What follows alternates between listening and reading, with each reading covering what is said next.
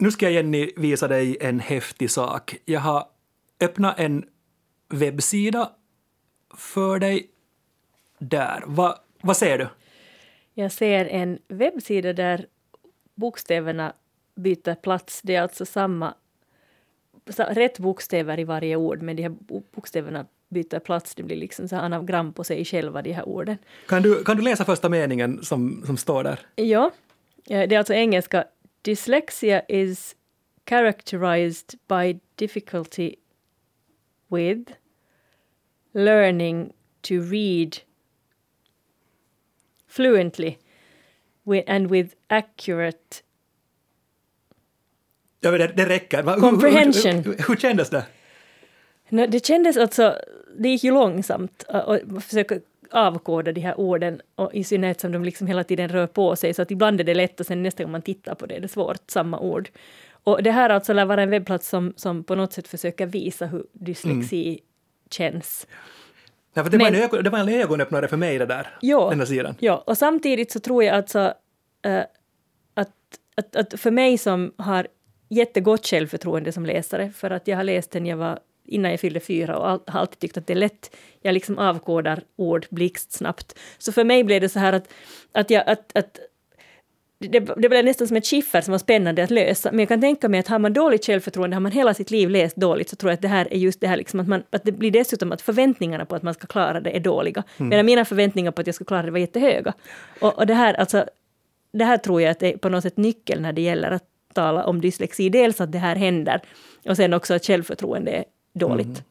Googla den här sidan, adressen den är jättelång och invecklad, men slå in så här ser en text ut för en dyslektiker.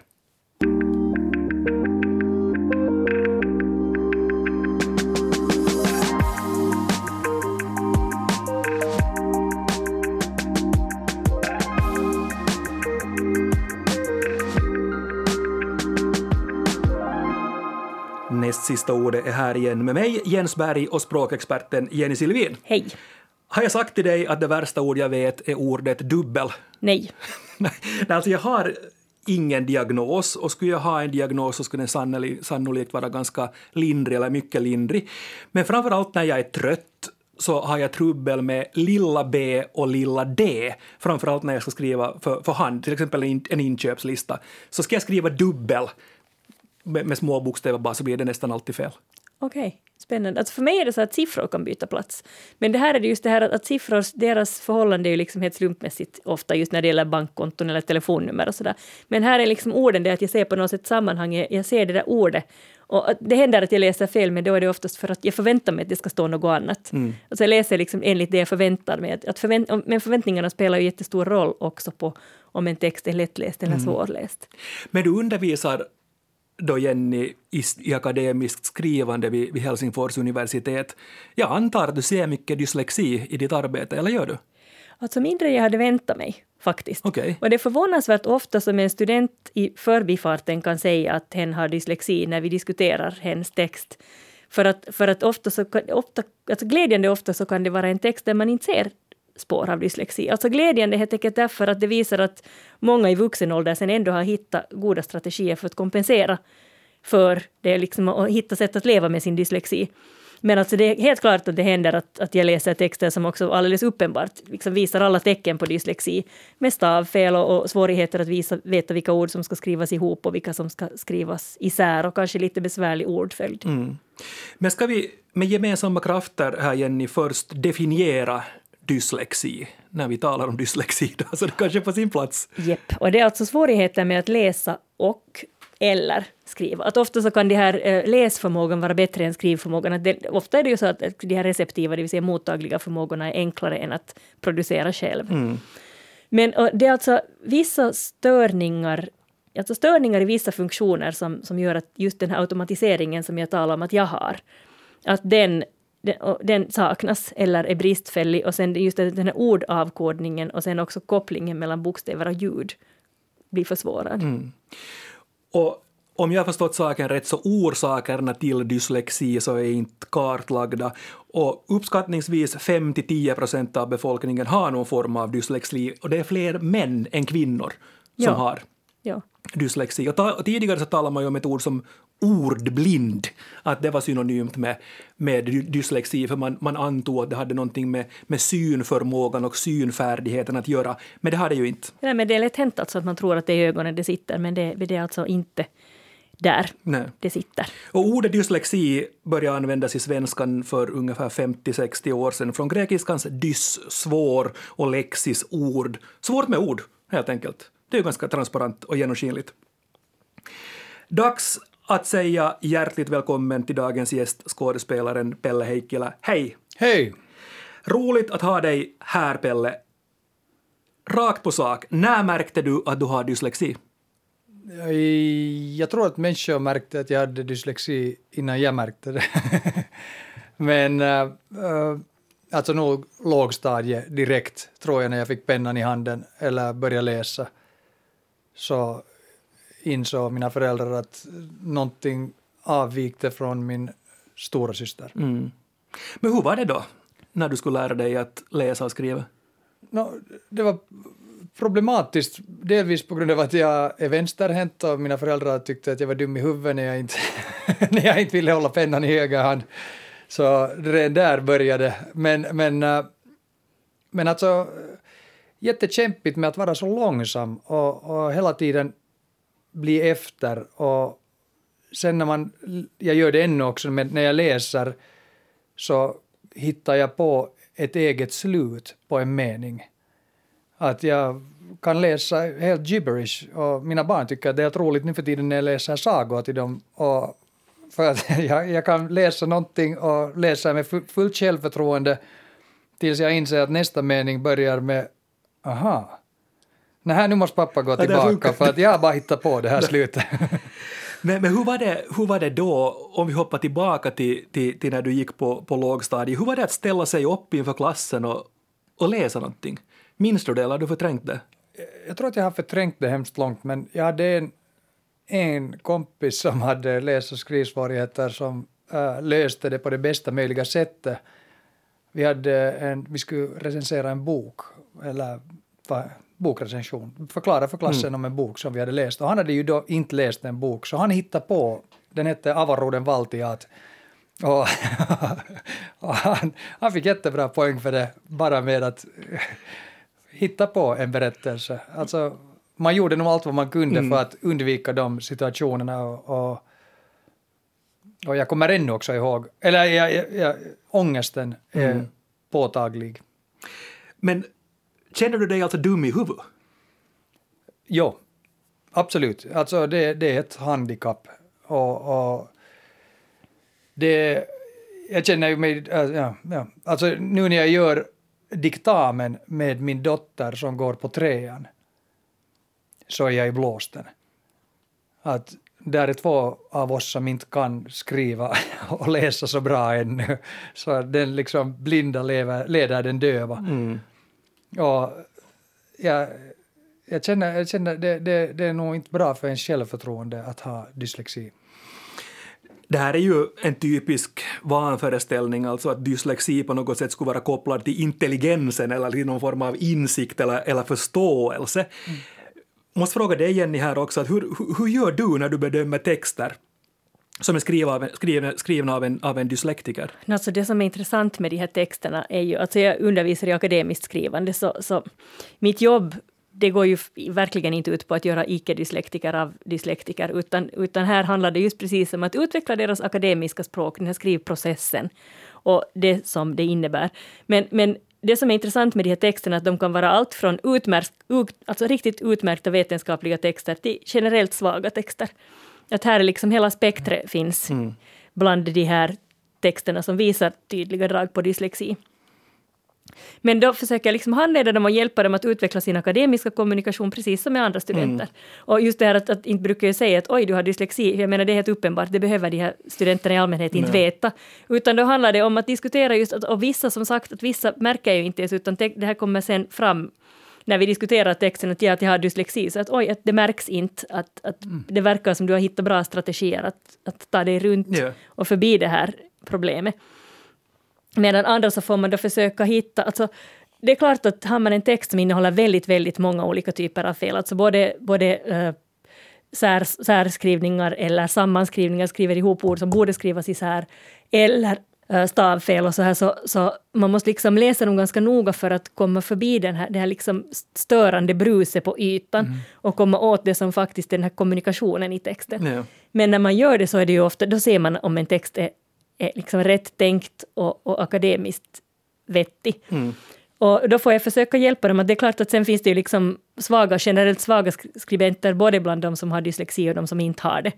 Och då får man försöka hitta vad är det som gör den här texten bristfällig och hur, hur kan jag hjälpa dig här? Precis. Men sen är det också alltså, i den här gruppen, jag kan inte, jag kan inte ge noggrann handledning och genomläsning av och liksom kommentarer på många sidor av 70 studenter mm. under en och samma period, utan det, det, går också ut på att de ska ha gru, grupprespons och visa upp sina texter för varandra. Och här brukar jag faktiskt ge de här, om det är personer som har uppenbar dyslexi så brukar jag, alltså jag träffar dem först för handledning och sen får de liksom respons på hela sin text av, av den här lilla gruppen. Och då brukar jag kolla att, att om de vill så kan jag gå och städa upp i deras texter. Mm. Därför att om de visar upp texter med väldigt mycket så typiska dyslektikerfel. För en grupp som inte, inte har det som sitt yrke att jobba med text och språk, så då får de lätt kom kommentarer på fel saker. Att då, det, det här samtalet ska ju inte handla om någons dyslexi, utan det här samtalet ska handla om hur den här vetenskapliga texten kommunicerar. Precis. Och, och, det är ganska många som nog griper den här chansen och säger tack jättegärna, just för att då ställer man folk på samma startlinje när de sen liksom ger lite sam, jämnar vägen lite så det blir samma förutsättningar. Den här diskus, liksom en rättvis diskussion på rättvisa grunder. Mm. Och det är ju så att, att dyslexi då är inte kopplat alls till, till intelligens men nog till kreativitet. Mm. Och, och, det är ganska intressant det här när man, när man tittar på, på listan över kända och extremt kreativa människor så är många dyslektiker. Hör på det här, Albert Einstein, John Lennon, Selma Lagerlöf, Pablo Picasso. Han har sagt förresten någonstans i en, i en intervju jag, jag, jag, läste att det är dyslexin han har att tacka för sitt kreativt skapande. Och du, det var intressant Pelle när du var inne på, på det här att du, att du har utvecklat din fantasi också mm. i, i, i hur du läser saker. Känner du igen det här, alltså att du, att du har blivit kreativare tack vare det eller på grund av dyslexin? Ja, jag vet inte vilken, dera, vilken väg det går, men, men absolut har jag blivit kreativare och kanske ser på världen på ett annat sätt. Och ren med människor i mitt yrke, alltså skådespelare, så du sa att det var ungefär 10 procent av mm. befolkningen, eller av män, mm. har dyslexi. Och jag tror att procenten bland skådespelare är väldigt mycket större. För jag har många, många kollegor som har dyslexi. Och det är ganska intressant när vi har ett yrke var vi ska läsa hemskt mycket. Men uh, kanske vi sen har satsat på att den där kommunikationen yeah. efter att vi har lärt oss texten. Men, men, tror du att det är så att ni blir, eller blir du liksom mera fysisk, eller blir du mera utagerande i ditt skådespeleri när du får fylla, fylla på liksom det du inte har läst eller sådär? Ja, absolut, absolut. Och jag, jag försöker motarbeta det aktivt, men jag, jag går hemskt gärna till fysiken när jag spelar. Yeah. Det, det, det är något jag kan ta tag i.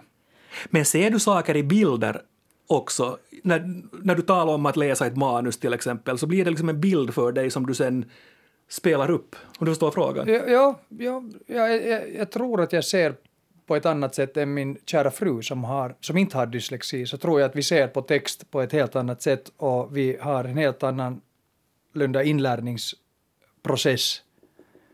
Och, och, men jag måste bara säga, för att bara hoppa här lite, men, men största dysse, dissen till oss uh, dyslektiker är ju ordet i sig, dyslexi.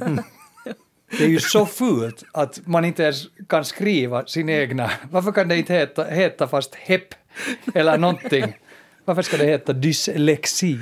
Ja, Good luck reading and writing that. Men jag tänker också det här att, att just det här att om man, som du sa, att du brukar gissa slutet på meningar. Mm. Jag tänker att då får man liksom kanske just utveckla sin egen tolkningsförmåga och, och och, och, det kan ju vara just någonting som gör att dyslexiker, du kan inte säga det själv heller, dyslektiker blir ja. kreativa. Att man utvecklar en sån här tolkning eller att gissa intuition och så vidare. Nej. Ja, någon sorts överlevning, överlevnadsförmåga. Ja, det är en sån strategi, liksom... ja. Förstås. Men hur mycket, hur mycket hjälp och stöd fick du? För att om jag räknar ut nu här så, så var det då i mitt mitten av 80-talet, mm. du gick, du gick på, på lågstadiet. Fick du mycket hjälp och stöd? Eller har det hela tiden handlat om att skapa egna metoder och på något sätt egna sätt? Jag kommer inte ihåg att jag skulle ha fått egentligen hjälp. Jag kommer ihåg bara allmän besvikelse. det, är liksom, det är det vad jag kommer ihåg. Att hur kunde den här diktamen igen gå så här dåligt? Och vi övar ju, och vi övar. Och hur kan det vara att du fick så här dåligt i det? Mm. Att, att, jag, jag, kommer inte ihåg att det skulle ha funnits. Jag vet att min, en, en av mina, jag har tre döttrar och en av dem har ärvt eh, tyvärr av mig uh, dyslexi och kanske någonting annat också. Och, och det, ger, det ger mig en grym ångest när jag vet att det är på grund av mig du nu får kämpa och dina syskon behöver inte kämpa med det här. Och det ligger en skuld i det, mm. eller en skuldkänsla i det. Men uh, ja, hon, hon, får mycket mer hjälp än vad, mm. vad jag fick. Mm. Eller vad vi fick då mm. på glada 80-talet. Och här vill jag liksom absolut passa på att säga att stavningskontroll eller att en student eller en elev får redigeringshjälp och det är ingalunda någon som helst typ av fusk, utan det här är ju sånt som också, för det första är det sånt som också odyslektiska personer har nytta av. Mm. Och sen för det andra så är det liksom det är exakt samma, det kan precis jämföras med de glasögon jag behöver för att kunna se ordentligt, för att kunna få köra bil till exempel, mm. eller för rullstolar som folk som inte kan gå behöver. Det är liksom hjälpmedel. Väl sagt. Ja. Måste fråga ännu, ännu Pelle, Pelle det. Uh, du sa att du kände dig dum då när uh, när du hade trubbel med att lära dig att läsa och skriva. Hur, hur är det idag när du när, när ni, jag antar att ni skådespelare ibland sätter er i en grupp och läser manus för varandra. När du nu läser för dina skådespelarkollegor, hur, hur känns, känns det betydligt bättre nu eller känns det på samma sätt eller, eller hur är det? Uh, det känns bättre. Jag måste snabbt hoppa lite tillbaka i tiden. Jag, uh, jag hade ingenting med läsande eller någonting så här att göra på många, många, många herrans år. Jag jag gick i, innan jag började i Teaterhögskolan. Och där var det en jättestor chock för mig att inse hur mycket sämre jag är. Och hur långsamt och knaggligt det var när jag läste och hur människor började sucka när de lyssnade på mitt knagglande, eller i alla fall kändes det så. Men nu brukar jag säga till människor innan en läsning att jag har läs och skrivsvårigheter så ta det som det kommer. Att sen när vi spelar det här så kan jag mina repliker. Ja. Men att, att nu är det ännu, jag fyller 44 och nu sitter där en liten nervös pojke varje gång och håller i det där manuset med skakande händer. Mm. Vi ska hoppa från skolan på 1980-talet till en skola år 2022. Vi ska ringa upp Nina Sippola som är speciallärare i Mattlidens gymnasium i Esbo för att höra hur hon jobbar med personer som har dyslexi idag.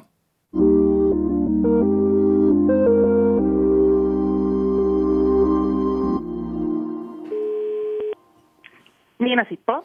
Hej Nina, det här är Jens Berg och Jenny Silvin från Näst sista ordet. Hej! Du är Nina alltså då speciallärare i Mattlidens gymnasium. Vad skulle du säga, hur stor del av ditt jobb som speciallärare handlar om att hjälpa studerande som har dyslexi? En ganska stor del nog. Jag träffar alla vid skolstarten och gör en gruppscreening och, och de som har intyg från grundskolan så träffar jag sen alla enskilt och, och förnyar testerna från grundskolan och, och skriver intyg. Och så funderar vi då på eventuellt behov av, av stödåtgärder med tanke på gymnasiestudierna. Mm. Så är det uppföljning av studiernas gång och, och förstås varierande hur mycket stöd de behöver. En del jobbar jag mer intensivt med och, och andra klarar sig bra på, på egen hand. Och, och så försöker jag vara tillgänglig under modersmålskurserna och, och hjälpa med, med de här skrivuppgifterna som läs och skrivkompetenser. Mm. Men när du säger Nina att du hjälper, så hur ser, hur ser liksom metoderna och hjälpmedlen ut när vi skriver år 2022? No, jag jobbar ganska mycket med, med studerande med läs och skrivsvårigheter kring studieteknik. Att, att hitta sitt sätt att lära sig. Men så kan det handla om att, att behöva extra tid i prov och i längre skrivuppgifter. Och sen att sitta i, i mindre grupp och jobba, då kan de också komma till mig. Mm. Eh, en del kan behöva hjälp med att strukturera sin vardag och att göra upp ett lässchema och planera sin tidsanvändning. Till exempel det. Sen Ja. har de också rätt att, att bli kunder hos Celia, som är talboksbiblioteket. Så då kan jag registrera dem som kunder ifall de inte redan är det från grundskolan. Och då får de sen låna ljudböcker gratis därifrån. Ja. Och förstås digitaliseringen har ju medfört stor hjälp att de flesta använder stavningskontroll och, och kan diktera det vad man vill skriva och ha sådana här visuella anpassningar i dokument, till exempel större font och, och färgad sån här Mm. läslinjal. Exakt. Alltså, jag som jobbar med eh, skrivundervisning på universitetet så möter ofta studenter som förvånar mig när de berättar att de har dyslexi för att det inte syns i deras texter.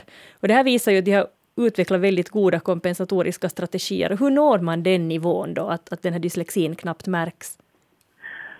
Men jag tror att det är just det att, att eh, de använder sig av stavningskontroll.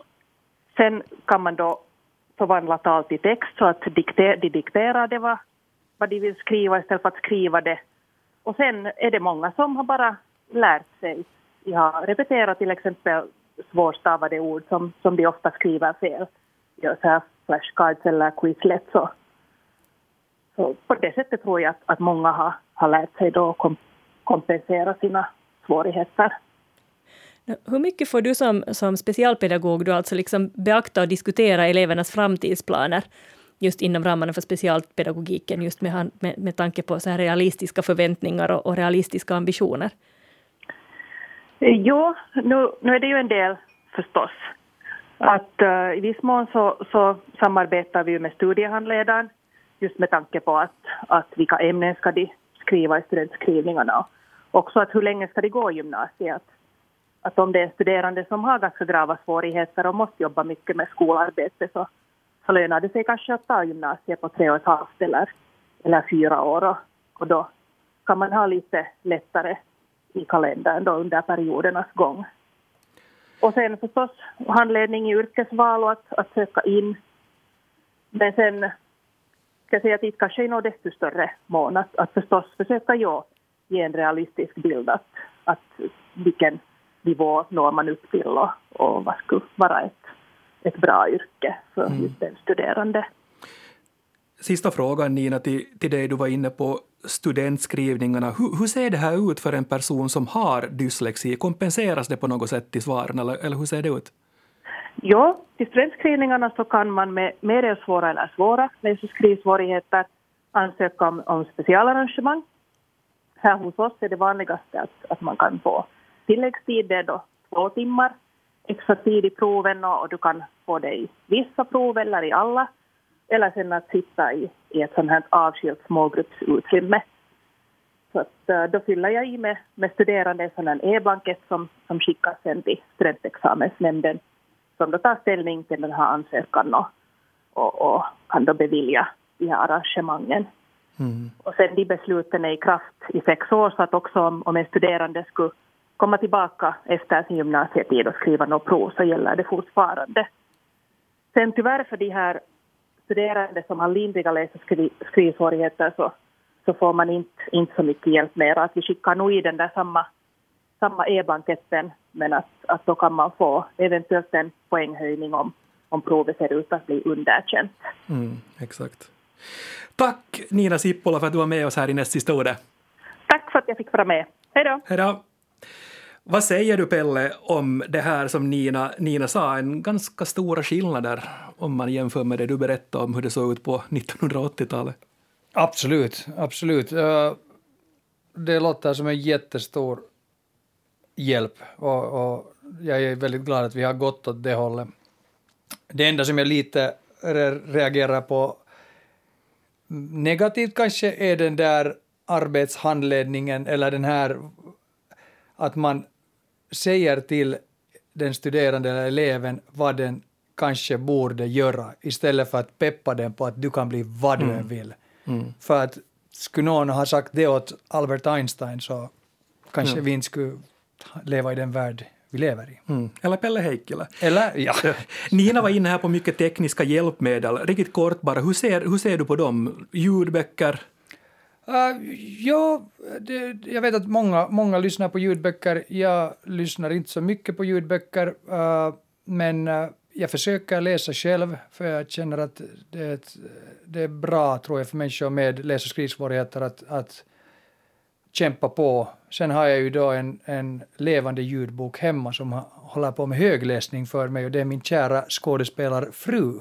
Så det kan ni vara lite avundsjuka över.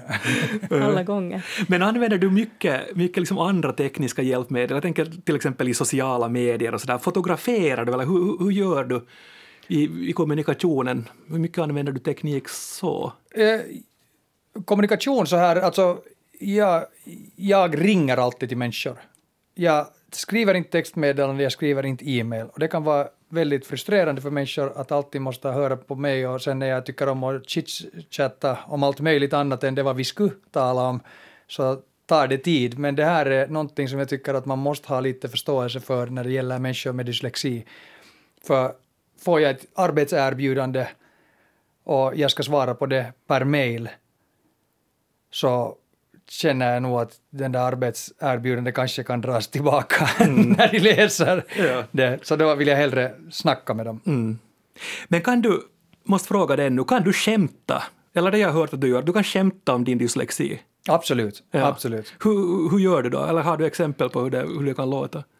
Alltså jag, jag, jag kan skämta om det, men samtidigt så nu hör min fru mig svära hemma hemskt mycket när jag hör att jag igen har skrivit ett stavfel på Instagram eller någonstans.